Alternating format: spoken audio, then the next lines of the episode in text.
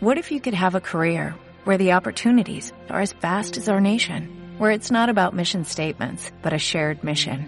At U.S. Customs and Border Protection, we go beyond to protect more than borders, from ship to shore, air to ground, cities to local communities. CBP agents and officers are keeping people safe. Join U.S. Customs and Border Protection and go beyond for something far greater than yourself.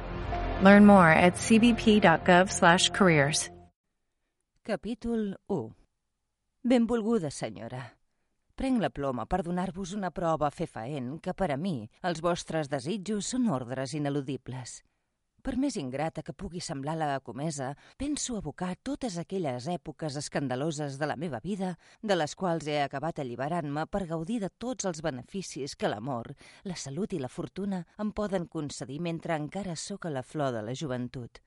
I no és massa tard per aprofitar el lleure que em proporciona una vida folgada i acomodada per conrear un talent gens menys preable i que, fins i tot enmig del remolí de plaers desenfrenats a què em vaig veure abocada, em va esmolar la facultat d'observació de la gent i l'educació mundana molt més del que és comú a les persones de la meva infeliç professió, que veuen qualsevol idea o reflexió com a enemigues mortals i se'n mantenen tan lluny com poden o les destrueixen sense contemplacions. Com que sé que, com jo, no sofriu els preàmbuls llargs i innecessaris, tindré mercè de vos i limitaré el meu exordi a preparar-vos perquè tingueu notícia del capítol més dissipat de la meva vida, escrivint-lo amb la mateixa llibertat amb què el vaig viure.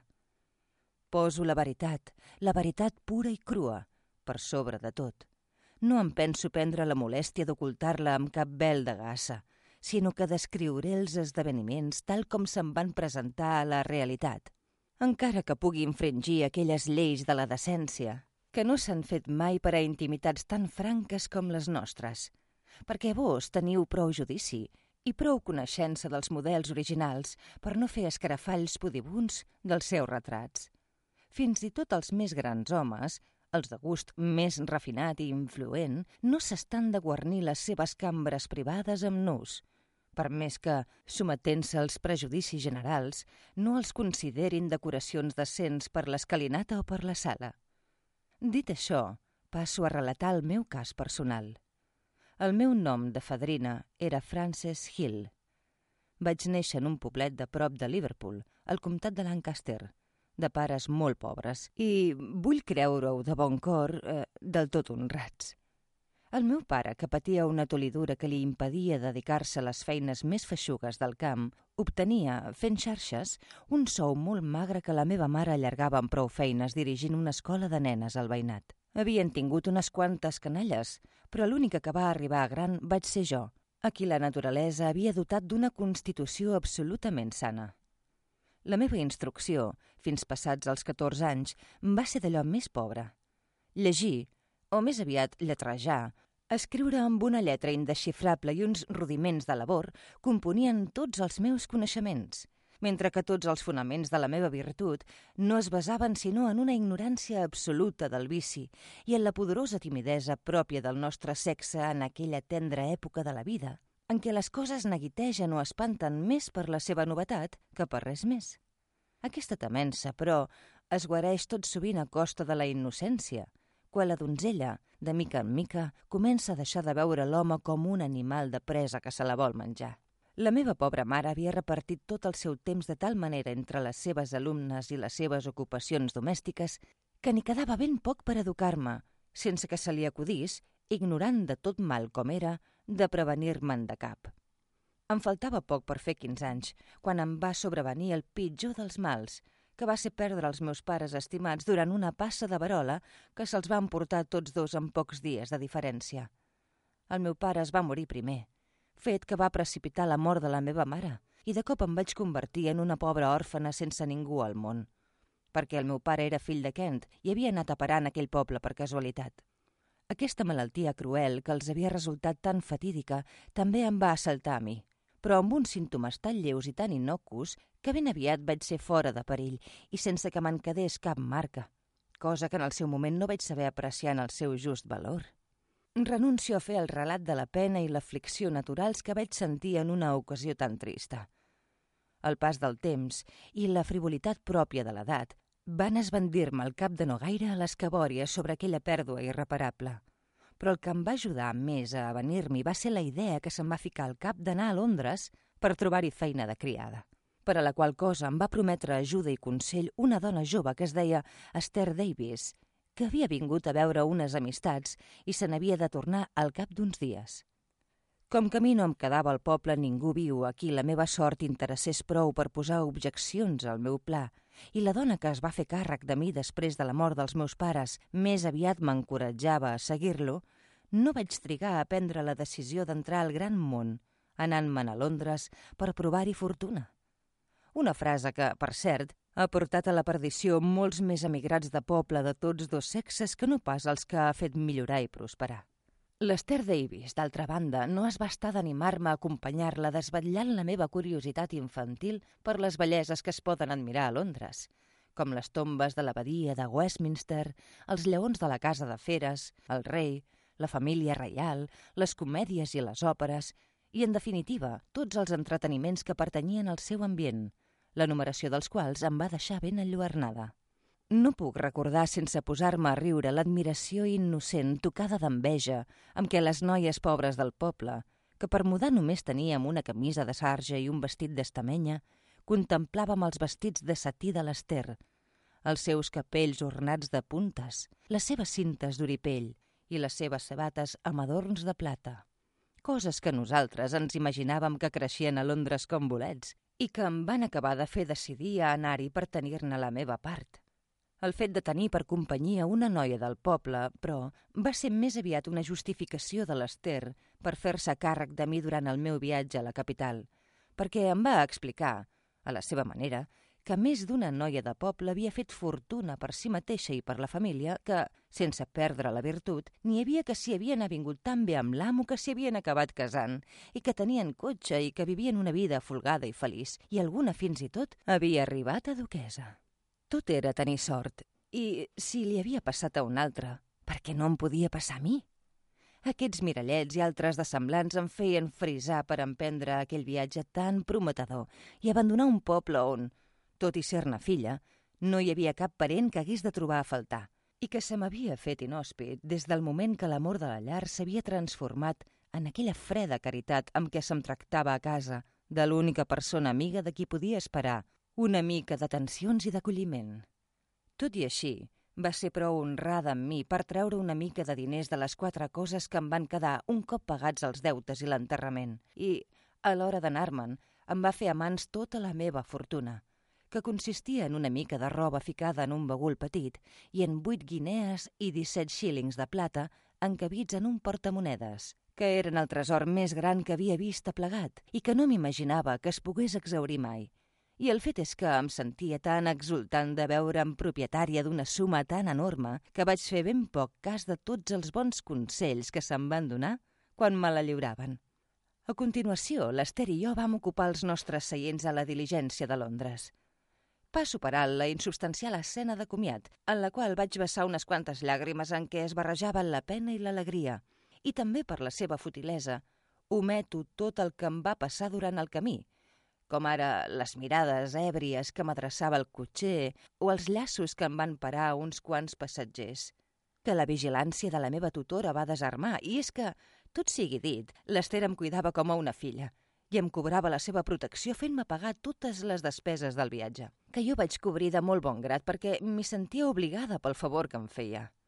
A més a més, ell es cuidava que no ens carreguessin de més ni ens estafessin i regatejava tant com podia. Malgastar no era el seu vici. Vam arribar a la ciutat de Londres una tarda d'estiu cap al tard amb el nostre vehicle, que anava molt a poc a poc, tot i tenir un tir de sis cavalls. Mentre passàvem pels carrers principals que conduïen al nostre hostal, el tràfic, la munió de vianants i, en conjunt, aquell nou escenari de botigues i de cases em van deixar meravellada i sobtada alhora. Imagineu-vos, però, com em vaig quedar desbaleïda quan, ja a l'hostal, amb l'equipatge descarregat i lliurat, l'Ester Davis, la meva protectora i companya de viatge, que havia estat d'allò més sol·lícit amb mi durant tot el trajecte i que en aquella ciutat desconeguda era el meu únic suport i la meva única amiga, sense haver-me preparat prèviament per al cop terrible que estava a punt de rebre, de sobte va adoptar cap a mi una actitud freda i distant, com si li fes por que me li convertís en una càrrega. En comptes de decidir continuar oferint-me la seva ajuda i els seus bons oficis, amb els quals jo comptava i que necessitava més que mai, ella devia considerar que ja havia complert el compromís que tenia amb mi d'haver-me portat sana i salva fins a la meva destinació, i amb un capteniment que a ella li devia semblar del tot natural i correcte, va començar a abraçar-me com si volgués acomiadar-se mentre jo quedava tan trasbalsada i tan colpida que no vaig tenir esma ni voluntat per fer-li esment de tot el que esperava de la seva experiència i el seu coneixement de l'indret on m'havia portat. Mentre m'estava així, atordida i muda, cosa que ella devia atribuir senzillament a la tristesa de la separació, vaig veure'm una mica alleujada perquè aquesta seva suposició la va moure a fer-me el següent discurs, que, ara que havíem arribat bé a Londres i que ella se n'havia d'anar a la casa on servia, m'aconsellava vivament que me'n busqués una de seguida, que no havia de tenir por de no trobar-ne, que hi havia més cases on podia servir que parròquies, que m'aconsellava que anés a una oficina de col·locació, que, si ella s'assabentava de cap feina, em buscaria per dir-m'ho, que mentrestant agafés habitació en una dispesa i li digués on parava, que em desitjava bona sort i esperava que guardés sempre l'honra i no causés la vergonya de la meva família. Dit això, va prendre comiat de mi i em va deixar, per dir-ho així, abandonada a mi mateixa, tan desvalguda com quan jo m'havia abandonat a ella. Sola, Desemparada i sense ningú, doncs, no vaig trigar a copsar amb amargura la gravetat d'aquella separació, que havia tingut lloc en una saleta de l'hostal i, així que ell em va haver girat l'esquena, l'aflicció que em va causar l'estranya conjuntura en què em trobava es va resoldre en un doll de llàgrimes que em va desfer en gran manera l'opressió que sentia al cor, tot i continuar atordida i sense saber gens què fer de la meva persona. Va acostar-se amb un dels Mossos de l'hostal, que va fer-me augmentar el recel demanant-me, sense més ni més, si necessitava res d'ell, a la qual cosa vaig respondre innocentment que no. Sí que li vaig pregar, però que em digués on podia trobar allotjament per aquella nit. Ell em va dir que ho aniria a demanar a l'hostalera, que va venir tot seguit per dir-me en to eixut sense compadir-se gens ni mica de l'atribolament que va veure que passava, que podia proporcionar-me un llit per un shilling i que l'endemà al matí, com que donava per descomptat que tenia amics a la ciutat, a la qual cosa jo vaig respondre en va amb un gran sospir, ja m'espavilaria pel meu compte. És curiós com el pensament s'aferra als consols més petits enmig dels destrets més grans. El simple fet de tenir un llit on passar la nit va apaivagar-me l'angoixa i, com que em feia vergonya explicar a l'hostalera que a Ciutat no tenia cap amistat a qui pogués acudir, vaig decidir que l'endemà mateix, a primera hora, aniria a una oficina de col·locació, de les quals tenia unes quantes adreces apuntades al revers d'una balada impresa que l'Ester m'havia donat. Allà comptava obtenir informació sobre alguna feina escaient per a una noia de poble com jo, que em proporcionés un mitjà de subsistència abans que se m'acabessin els migrats recursos que em quedaven. Pel que feia referències, l'Ester m'havia dit més d'una vegada que podia comptar amb ella per obtenir-ne, i jo, tot i haver quedat dolguda perquè m'havia deixat plantada, no vaig perdre del tot la confiança en ella, sinó que vaig començar a pensar de bona fe que el seu capteniment havia sigut l'adequat i que era tan sols el meu desconeixement del món el que m'havia portat a judicar-lo tal com ho havia fet d'entrada. Així doncs, l'endemà al matí em vaig vestir amb tota la pulcritud que em permetia el meu modest vestuari i, després d'haver deixat el bagul a càrrec de la mestressa de l'hostal, vaig sortir al carrer tota sola i sense més entrebancs que els que hauria pogut trobar qualsevol noia de poble amb 15 anys acabats de fer, per aquí qualsevol rètol o qualsevol botiga era una festa pels ulls, vaig arribar a l'analada oficina de col·locació. La portava una dona gran que seia darrere el taulell amb un llibre molt pulcre al davant i amb uns quants pergamins on hi havia escrites ofertes de feina. Vaig acostar-me a aquesta matrona sense aixecar la vista i sense mirar cap de les persones que m'envoltaven i que s'hi esperaven amb el mateix propòsit que jo. I després d'adreçar-li unes quantes reverències fins a terra, vaig aconseguir barbotejar a què venia. Ell em va escoltar amb tota la gravetat i l'aire sorrut propis d'un petit funcionari i després d'examinar-me amb la mirada, en comptes de respondre'm, em va exigir la paga i senyal d'un shilling, a canvi del qual em va dir que les feines per dones eren molt escasses, i encara més si es tenia una complexió com la meva, massa delicada per fer tasques pesades, però que tot i així donaria un cop d'ull al llibre per veure si podia fer res per mi. I per això em pregava que m'esperés una estona mentre tenia altres clients. Vaig enretirar-me, doncs, profundament humiliada per una observació portadora d'una incertesa torturant que en el meu estat se'm va fer poc menys que insuportable. Al cap d'una estona, armant-me de valor i amb ganes d'expulsar-me els pensaments que em neguitejaven, vaig atrevir-me a aixecar una mica el cap i vaig passejar la mirada per la sala, on vaig trobar clavats en mi els ulls d'una dama. Perquè, com a tal, la va veure la meva extrema innocència, rebessuda i cara vermella, de 50 anys ben bons, que anava amb una capa de vellut, tot i ser al pic de l'estiu, i seia en un racó amb el capell a la falda. Semblava que em volgués devorar amb la mirada, perquè m'observava de cap a peus amb absoluta indiferència per la turbació i l'enrojolament que em causava el fet que no em tragués els ulls de sobre i que segurament va ser per ella la millor prova que m'ajustava als seus propòsits. Passada una estona, durant la qual el meu posat, la meva persona i tot el meu cos van ser sotmesos a un examen minuciós, que jo, per part meva, vaig fer per manera de superar favorablement afectant distinció, estirant el coll i fent ressaltar els meus atractius, se'n va atensar i em va dir en to circumspecte. Que busques feina, maca? Sí, senyora, per servir-la. Li vaig respondre amb una profunda reverència. En sentir això, ell em va confiar que, de fet, havia acudit a aquella oficina buscant una criada, que creia que jo podia servir, després d'una mica d'instrucció, que en tenia prou amb el meu semblant com a referència,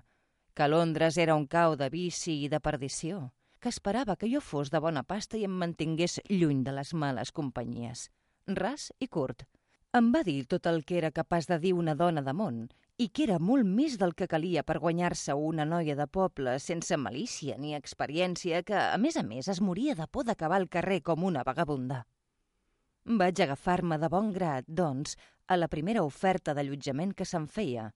Més que més venint d'aquella dama seriosa i distingida que havia de ser la meva mestressa, perquè així me la va fer veure la meva benèvola imaginació.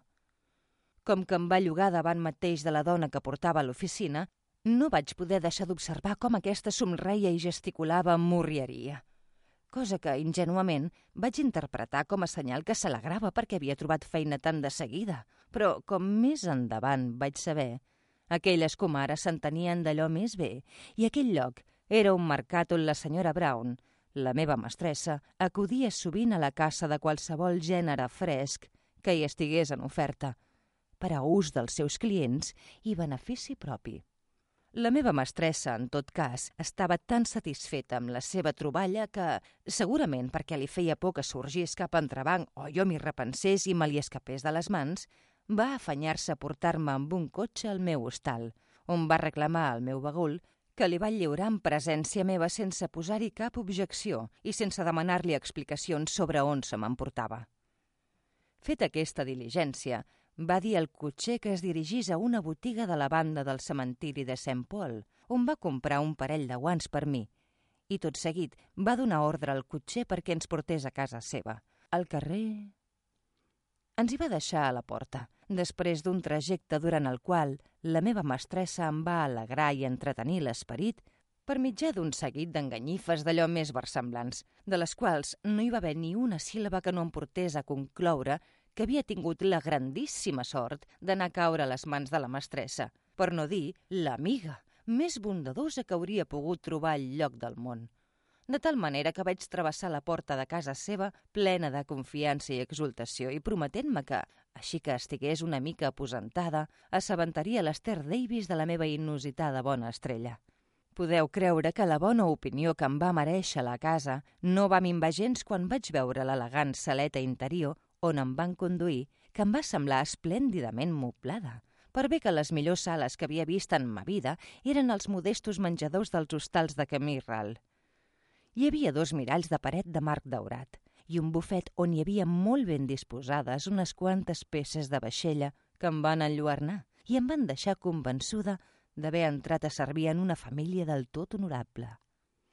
Tot seguit, la meva mestressa va començar a fer el seu paper – dient-me que havia de tenir l'esperit dispost i aprendre a confiar-me a ella.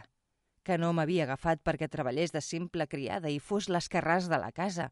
sinó com una mena de dama de companyia i que, si era bona noia, ella vetllaria per mi tant com ho farien vint mares. A tot això, jo només vaig saber respondre amb reverències exagerades i maldestres i amb uns quants monosíl·labs com ara «sí», «no» o «és clar». A continuació, la meva mestressa va tocar la campaneta i va venir la minyona corpulenta que ens havia obert la porta. «Marta», li va dir la senyora Brown, acabo de llogar aquesta noia perquè tingui cura de la meva roba blanca. Acompanya-la dalt i ensenya-li la seva cambra. I fes el favor de tractar-la amb el mateix respecte que em tens a mi, perquè li he agafat molta estimació i per ella faria el que fos. La Marta, que era una gata moixa i estava avasada a aquella farsa, va seguir-li perfectament la veta. Em va fer mitja reverència i em va pregar que pugés amb ell els dos trams d'escala que conduïen al pis de dalt, els darreres del qual em va ensenyar una habitació molt pulcra, amb un llit molt elegant, que, segons em va dir la Marta, hauria de compartir amb una damisela que era cosina de la meva mestressa i que, n'estava convençuda, em tractaria amb totes les atencions del món. Tot seguit em va parlar en uns termes d'allò més elogiosos de la seva bondadosa i gentil mestressa, i també de la sort que havia tingut d'haver-la conegut, perquè no n'hauria pogut trobar cap de millor, a banda d'altres falòrnies que haurien despertat la suspicàcia de qualsevol que no fos una persona ingènua i inexperta com jo, que no coneixia gens el món i prenia cada paraula que ell em deia en el sentit que volia que jo entengués i, com que de seguida va veure amb quina capacitat de penetració se les havia, es va dedicar a entabanar-me fins a fer-me sentir tan feliç dintre la meva gàbia que no en veia els barrots. Mentre encara s'estenia sobre aquestes explicacions mentideres relatives a la naturalesa de les meves futures ocupacions, va tornar a sonar la campaneta perquè baixéssim i em van fer passar novament a la saleta d'abans, on hi havia una taula parada amb tres coberts.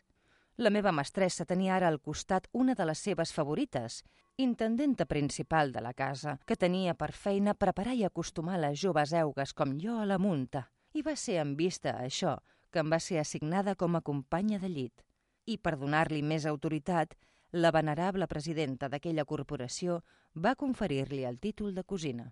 Tot seguit vaig ser sotmesa a un segon reconeixement que va acabar amb l'aprovació total de la senyoreta Phoebe Ayres que era com se deia la meva nova preceptora, sota la cura i la tutela de la qual em van deixar amb molt bones paraules.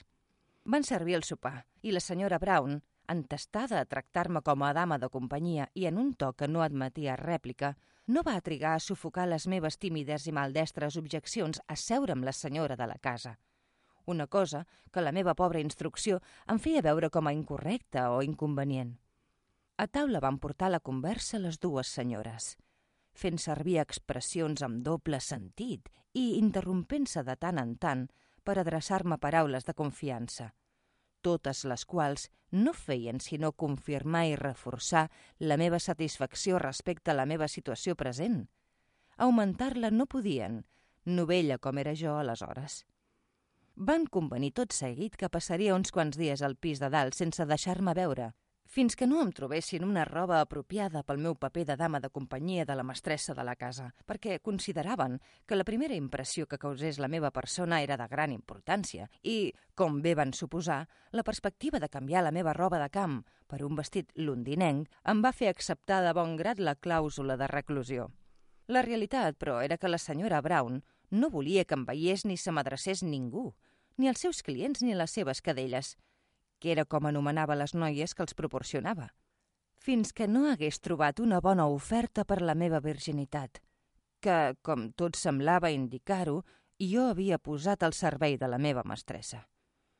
Per estalviar-me minúcies que no afecten el gros del relat, passaré per alt l'estona que va transcórrer fins l'hora de dormir durant la qual em vaig sentir cada vegada més satisfeta de la perspectiva d'haver de fer una feina descansada per aquelles bones dones. I quan vam haver pujat a la cambra ben sopat, la senyora Phoebe, veient que em feia escrúpol despullar-me i quedar en camisa davant d'ella per ficar-me al llit, tot i haver-se retirat la donzella, se'n va acostar. Em va desfer el mocador i em va descordar el vestit. I em va encoratjar a continuar despullant-me tota sola. I jo, encara enrojolada d'haver quedat en camisa i prou, em vaig afanyar a amagar-me sota el llençol. La Phoebe va riure i tot seguit se'n va posar al costat. Ella deia que tenia 25 anys, però el seu físic indicava que en devia haver descomptat ben bé deu. Vistos els estralls que una llarga carrera de prostitució i de trifulgues havia causat en la seva constitució i que l'havia portat, de la nit al dia, a aquell estat de merciment en què les dones de la seva condició han de pensar més a donar-se que no pas a rebre. Així que es va haver ficat al llit aquesta inestimable suplent de la meva mestressa que no deixava escapar cap ocasió de la síbia que se li presentava, es va tombar cap a mi, em va abraçar i va començar a fer-me petons amb molta fogositat. Allò era per mi una cosa nova i estranya, però ho vaig interpretar com una manifestació de gentilesa pròpia de Londres i vaig decidir no quedar a la saga. I li vaig tornar els petons i l'abraçada amb tota l'ardor de què és capaç l'absoluta innocència. Encoratjada per la meva reacció, la Phoebe va començar a fer anar les mans amb tota llibertat i a passar-me-les per tot el cos, amb fregaments, pessics i carícies que em van estimular i em van sorprendre per la seva novetat, més que no pas sobtar-me o espantar-me. Les falagueries que intercalava amb aquelles escomeses també van contribuir força a vèncer la meva passivitat, i jo, que no coneixia el mal, no me'n vaig témer cap, i menys d'algú que em va esvair tot dubte sobre la seva feminitat, fent-me engrapar amb les mans uns pits flàccids i de prou mida i volum per fer palès el seu sexe, si més no per mi, que no havia fet mai cap altra comparació. Vaig quedar ben quieta, del tot abandonada a ella, mentre la seva lascívia no despertava en mi altra emoció que un plaer estrany i desconegut fins aleshores. Tot allò estava oberta i exposada als llicenciosos moviments de les seves mans, que com llengües de foc em recorrien el cos i me n'anaven fonent tota la fredor. Els meus pits, si no és una figura massa atrevida a anomenar així les dues prominències fermes i dures que em començaven a aflorar i a mostrar-se sensibles al tacte, li van tenir ocupades una estona les mans,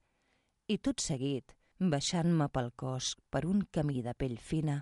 van trobar el borrissol sedós que feia pocs mesos m'havia sortit per embellir-me al món de Venus i que prometia estendre la seva grata protecció sobre el centre de la sensació més delicada,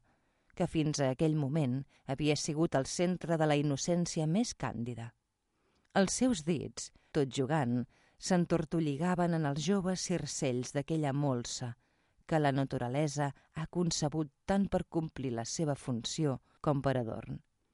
No prou satisfeta assetjar les posicions exteriors, va decidir atacar la plaça forta i va començar a furgar-hi amb el dit, endinsant-s'hi i introduint-lo finalment fins al viu d'una manera tal que, si no ho hagués portat a terme per mitjà d'uns avanços molt subtils que em van encendre fins a fer-me perdre tot pudor i tota voluntat de resistència, hauria saltat del llit demanant a crits que em socorreguessin d'aquelles estranyes embestides.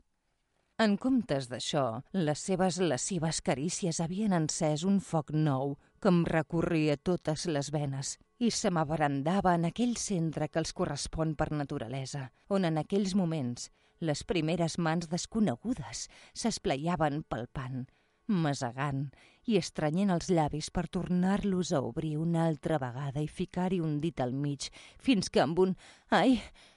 jo li manifestava que em feia mal, allà on l'estretor del conducte, encara intacte, li impedia entrar més endins. D'altra banda, l'abandó amb què jo estirava els membres i la forma com sospirava i pantejava confirmaven a aquella llibertina experta que els seus manejos em plaïen més que no pas em molestaven, i el salpebrava amb petons i exclamacions que anava repetint com ara «Ai, quina bellesa que ets! Quin home més afortunat serà el que et farà dona! Ai, tant de bo fos home per fer-te feliç!» I altres expressions fragmentades d'aquest estil interrompudes per uns petons apassionats i ardorosos com no havia rebut mai de l'altre sexe. Pel que fa a mi, estava atordida, confosa i fora de mi. Aquelles sensacions eren tan noves que m'aclaparaven. Els sentits, encesos i desfermats, els tenia tan esvalutats que m'impedien pensar amb llibertat. I dels ulls em saltaven llàgrimes de plaer que apaivagaven una mica el foc que em devorava. Per la seva banda, la Phoebe, aquella bagassa experta i bregada que estava familiaritzada amb totes les modalitats i tots els ressorts del plaer, trobava en aquesta pràctica de la seva art per foguejar noies la gratificació d'un d'aquests gustos capritjosos per als quals no hi ha explicació satisfactòria. No era que no li agradessin els homes, ni tampoc els deixés de preferir el seu propi sexe, sinó que, quan es trobava en situacions com aquella, la societat dels delits coneguts i potser també una inclinació secreta l'empenyien a obtenir el màxim plaer cada vegada que en tenia l'ocasió sense fer distinció de sexes. Segurament per això, convençuda del tot que amb les seves carícies m'havia excitat prou per als seus propòsits, va enretirar amb delicadesa la roba de llit i em vaig veure ajaguda i despullada, amb la camisa arremangada fins al coll i sense esma ni força per resistir-m'hi. Fins i tot l'enrojolament de les galtes expressava més desig que no pas pudor, mentre la candela que havia quedat encesa, quasi segur que expressament, m'il·luminava de ple tot el cos. No m'amaguis pas, princesa meva, em va dir la Phoebe, tots els teus tresors. Vull regalar-me la vista tant com el tacte. Haig de devorar amb els ulls aquests pits incipients. Deixa'm que te'ls petonegi. Encara no els he vist prou bé. Deixa'm petonejar-te'ls una altra vegada. Quina carn més forta, més fina, més blanca. Quina forma més delicada. I aquest borrissol voluptuós. Ai, deixa'm veure't aquesta clivella petita i tendra. Això és superior a mi, no puc més. Necessito, necessito i aleshores em va agafar la mà i d'una revolada me la va fer posar en un lloc que fàcilment us podeu imaginar. Ara bé, quina diferència entre el meu i el seu? Una gran tofa de rínxols atapeïts delatava la dona feta i madura. D'altra banda, la cavitat cap on em va guiar la mà la va acollir amb comoditat i de seguida que se la va notar a dintre es va començar a bellugar endavant i endarrere amb un fregadís tan ràpid que vaig acabar retirant-la, tota humida i llefiscosa. I després d'un parell o tres de sospirs i uns ais sortits del cor i de fer-me un petó que va semblar que l'esperit li exhalés a través dels llavis, la Phoebe, més asserenada, ens va tornar a tapar amb la roba de llit. Del plaer que ella va sentir no en diré res, però sí que puc dir que aquella nit van calar en mi les primeres espurnes d'una naturalesa ardent i les primeres nocions de corrupció, i que la relació i la familiaritat de tracte amb la baixa estofa del nostre mateix sexe acostumen a ser tan funestes per a la innocència com totes les temptacions de l'altre. Però continuem. Quan la Phoebe va haver recobrat la calma que a mi tant m'hauria convingut tenir, va començar a sondejar-me amb astúcia sobre totes aquelles qüestions que la meva virtuosa mestressa necessitava conèixer per imposar els seus designis sobre mi. I a partir de les meves respostes, filles d'una naturalesa franca i pura, no va poder sinó prometre's un èxit segur, en vista de la meva ignorància, la meva bona disposició i el meu temperament fogós. Després d'una conversa força dilatada, la meva companya de llit em va deixar sola perquè reposés i em vaig adormir de cansament i de les vives emocions que m'havien fet sentir. I aleshores la naturalesa, massa enardida i excitada perquè s'apaivagués sense valdre's d'un mitjà o d'un altre, em va auxiliar amb un d'aquells somnis lascius, els transports dels quals són apenes menors que els de les hores de vigília. L'endemà al matí em vaig despertar pels vols de les deu, del tot refeta i descansada, la Phoebe s'havia llevat abans i em va demanar amb gran amabilitat com em trobava, si havia reposat i si volia esmorzar, vigilant en tot moment de no fer cap referència a l'escena de llit d'aquell vespre per tal de no augmentar la turbació que va veure que sentia d'haver de mirar-la als ulls. Jo li vaig dir que, amb el seu permís, em llevaria per començar a fer qualsevol feina que tingués la bondat d'encomanar-me, i ella va somriure. Tot seguit, la minyona va portar el servei de te, i quan jo tot just acabava d'enguiponar-me el vestit, va entrar arrenquejant la meva mestressa. Vaig donar per descomptat que em retrauria i em recriminaria i tot que m'hagués llevat tan tard, però en canvi vaig tenir la grata sorpresa de rebre la seva felicitació pel goig que feia. Em va dir que era una bellesa en flor, era així com parlava, i que tots els homes de bé em posarien sobre un pedestal.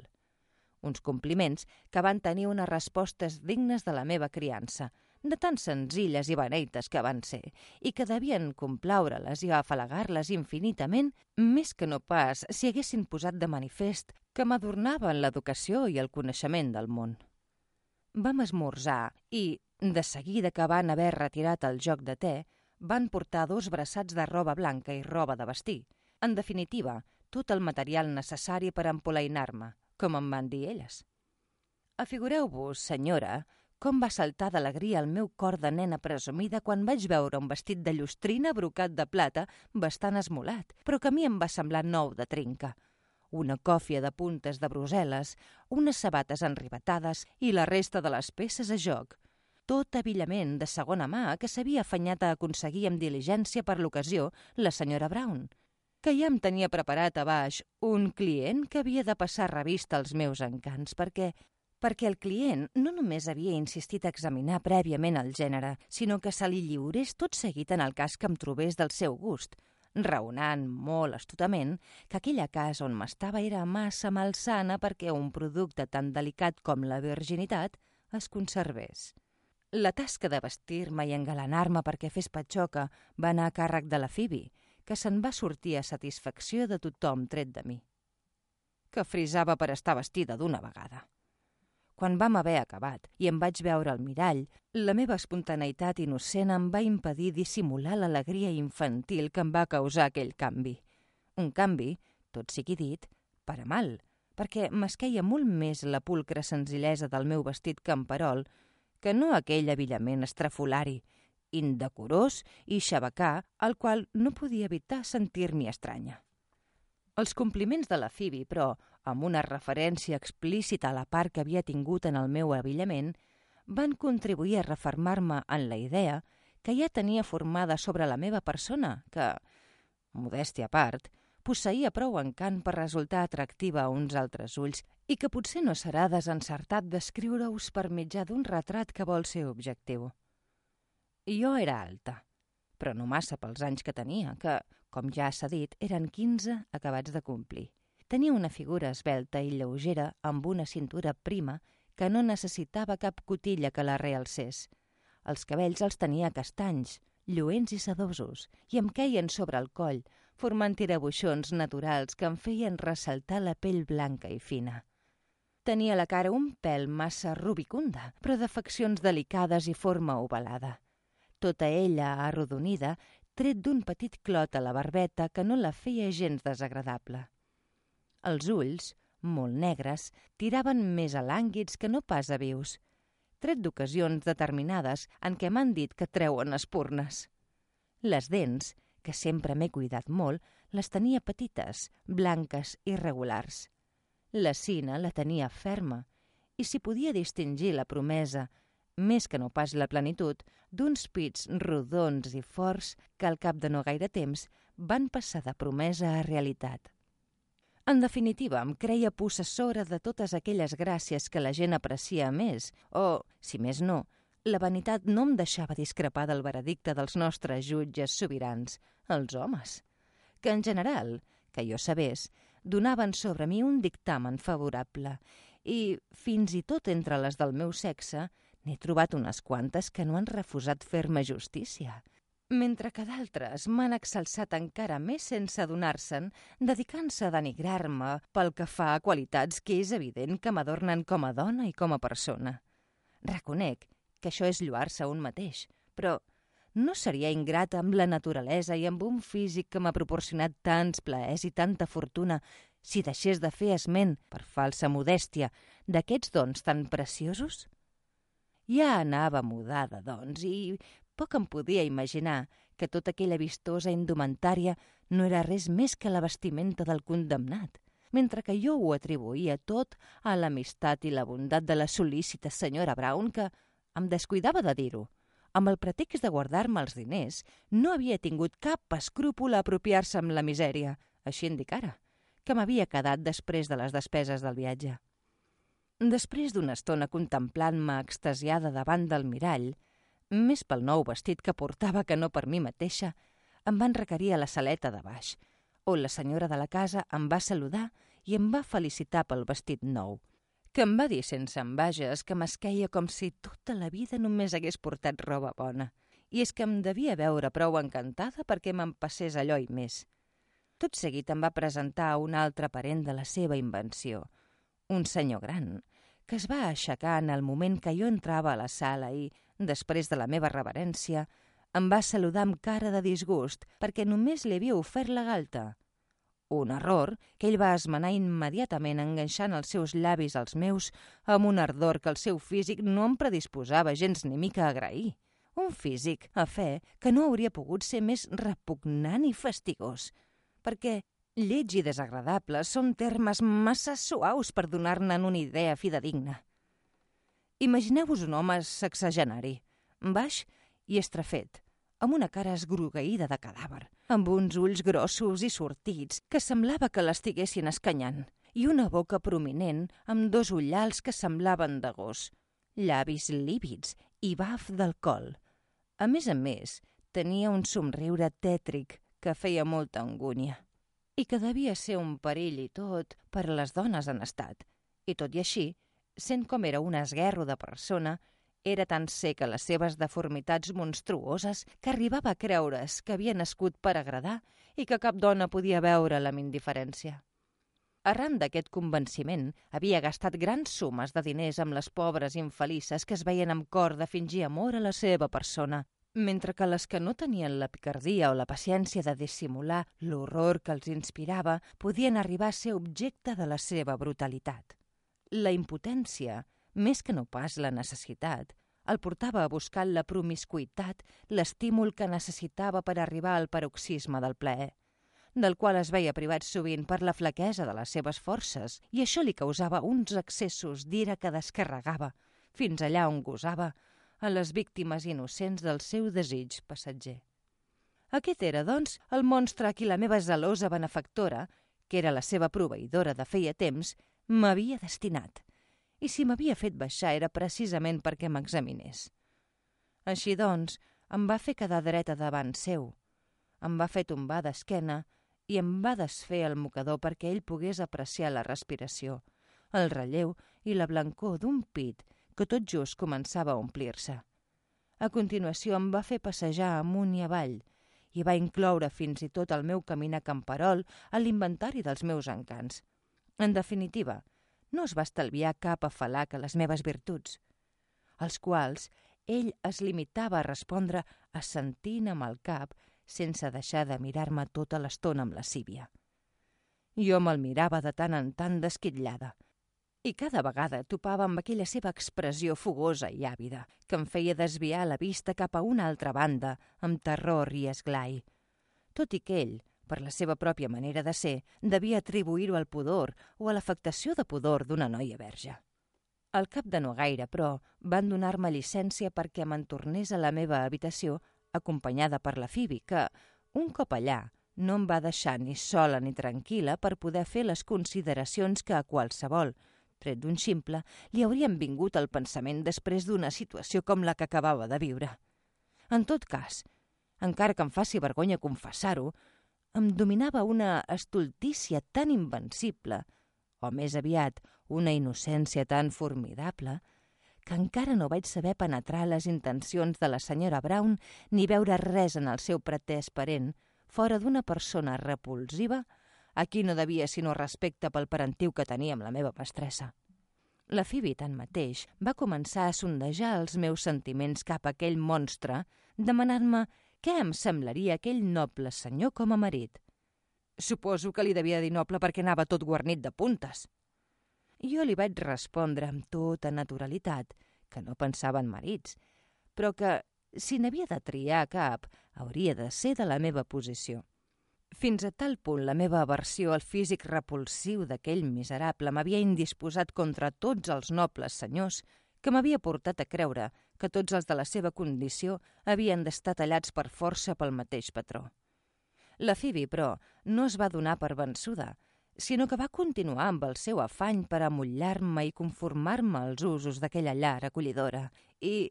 així com quan parlava del sexe en general no tenia motius per desconfiar de la meva docilitat, amb la qual li constava que es podia comptar fàcilment, tenia prou experiència per no deixar d'adonar-se que la meva versió concreta cap a aquell parent repugnant seria un obstacle més difícil d'eliminar en vista cloure el tracte que tenien emparaulat i vendre'm. La senyora Brown, Mentrestant, havia convingut les condicions del pacte amb aquell sàtir vell amant del veure. Que més tard vaig saber que havien de ser 50 guinees per endavant pel dret de fer-me la cort i sent més després de la completa satisfacció dels seus desitjos i d'haver-me pres la virginitat. Pel que feia a mi, quedava la discreció del seu voler i la seva generositat. Un cop va haver clos aquest tracte injust, estava tan impacient per fer-lo efectiu que va insistir perquè se'l convidés a berenar amb mi aquella tarda mateix i ens deixessin sols. Sense fer cas de les protestes de l'alcabota, que deia que jo no estava prou preparada ni instruïda per aquella escomesa, sinó encara verda i per polir. Perquè amb prou feines havia passat un dia a la casa, però com que la naturalesa de la luxúria és ser impacient i la vanitat armava aquell home contra qualsevol supòsit que no fos la resistència habitual d'una verge en aquells casos, va rebutjar totes les propostes d'ajornament que se li feien i el meu suplici va quedar fixat, sense jo saber-ho, per aquell mateix vespre. A l'hora de dinar, la senyora Brown i la Phoebe van dedicar-se tota l'estona a desfer-se en elogis cap a aquell parent extraordinari i a comentar com seria de feliç la dona a qui brindés les seves atencions. En definitiva, les dues comares van recórrer a tota la seva retòrica per persuadir-me a acceptar-les, que si aquell bon senyor havia quedat enamorat de mi a primera vista, que si em faria rica si era bona mossa i no em tirava pedres a la pròpia taulada, que si havia de confiar en la seva paraula, que tindria la vida resolta per sempre més i cotxe per sortir a passejar. Tot això amb prou pelica per alluarnar una pobra noia ignorant com era jo aleshores. Per sort, la versió cap a aquell home havia arrelat dintre meu amb tanta força i els meus sentits prevenien el meu cor contra ell de tal manera que,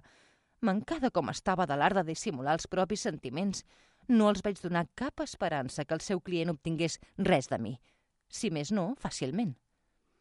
D'altra banda, no paraven d'omplir-me la copa – segurament en vista convertir el meu temperament fogós en un aliat just abans de l'atac imminent.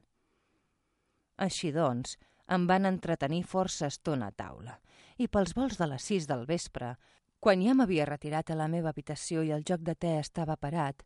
es va presentar la meva venerable mestressa seguida per aquell sàtir, que va entrar amb aquell seu somriure característic i va confirmar, amb la seva odiosa presència, tots els sentiments de rebuig que m'havia causat la primera vegada de veure'l. Se'n va asseure al davant i durant tot el berenar no va parar de menjar-se amb, amb els ulls d'una forma que em despertava una incomoditat i una turbació molt grans, la manifestació de les quals ell continuava atribuint a la meva timidesa i al meu poc hàbit de rebre visites. Havent berenat, la vella alcabota va al·legar que tenia assumptes que la reclamaven, cosa que era veritat, i que se n'havia d'anar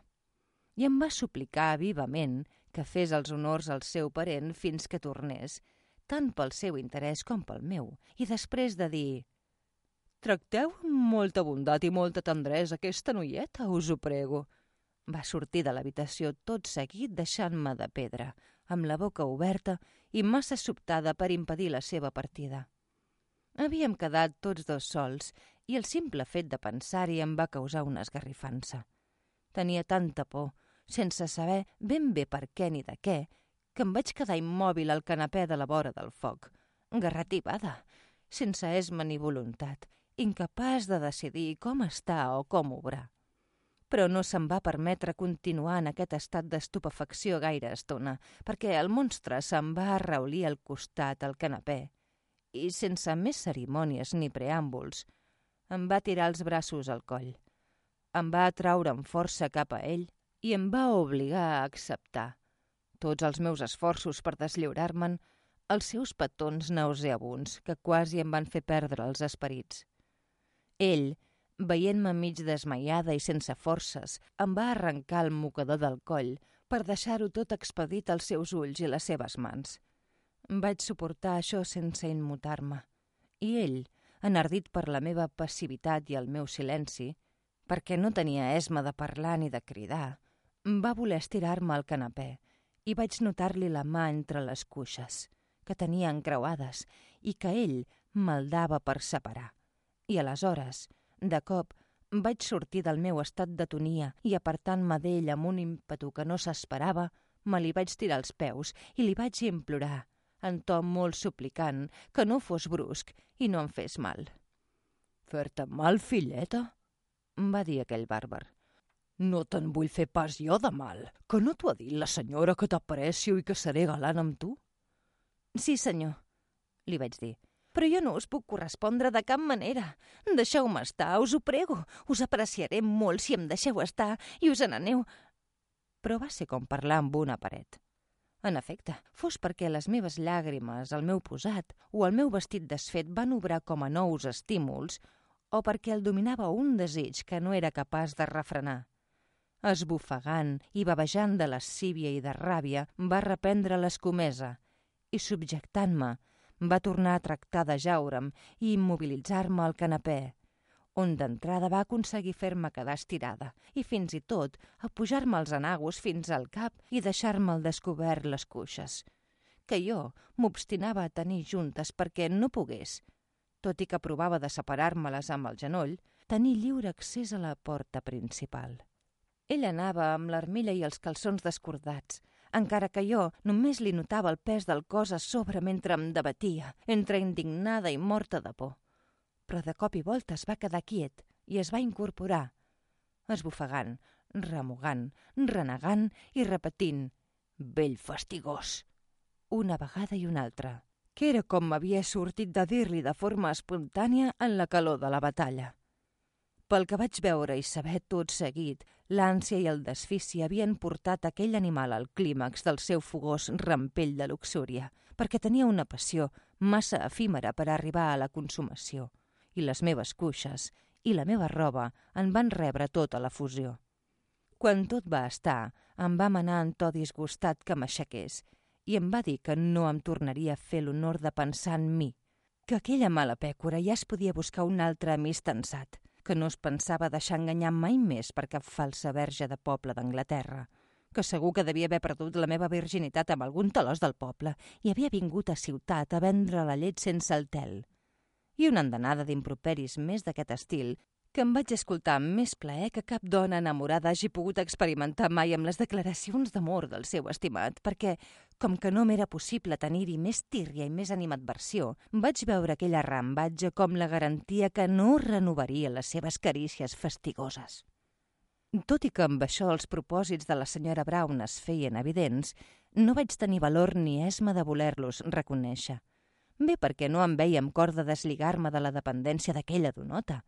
de qui em sentia propietat en cos i ànima, bé perquè em volia enganyar a mi mateixa mantenint una bona opinió d'ella, vaig estimar-me més esperar el pitjor sota el seu sostre que no pas que em despatxessin i acabés al carrer morta de gana sense un penic ni cap amistat a qui recórrer. I aquesta por em pertorbava l'esperit. Mentre aquest garbuix d'idees em passava pel cap i estava pensativa a la vora del foc amb els ulls negats de llàgrimes, el coll encara nu i la còfia a terra a causa de la baralla, de manera que ja us podeu imaginar com anava descabellada, a aquell brètol se li devia tornar a despertar el desig davant d'aquella punzella que se li oferia a la vista. Una punzella encara sense obrir i que, per descomptat, continuava sense resultar-li indiferent. Després d'una estona de silenci em va dir, en un to de veu molt més temperat i fent acció de besar-me i de tocar-me els pits, que si feia les paus amb ell Abans que la senyora vingués, tot s'arreglaria i em tornaria a honorar amb el seu afecte. La gran aversió que li tenia, però, juntament amb la por i la indignació que em dominaven,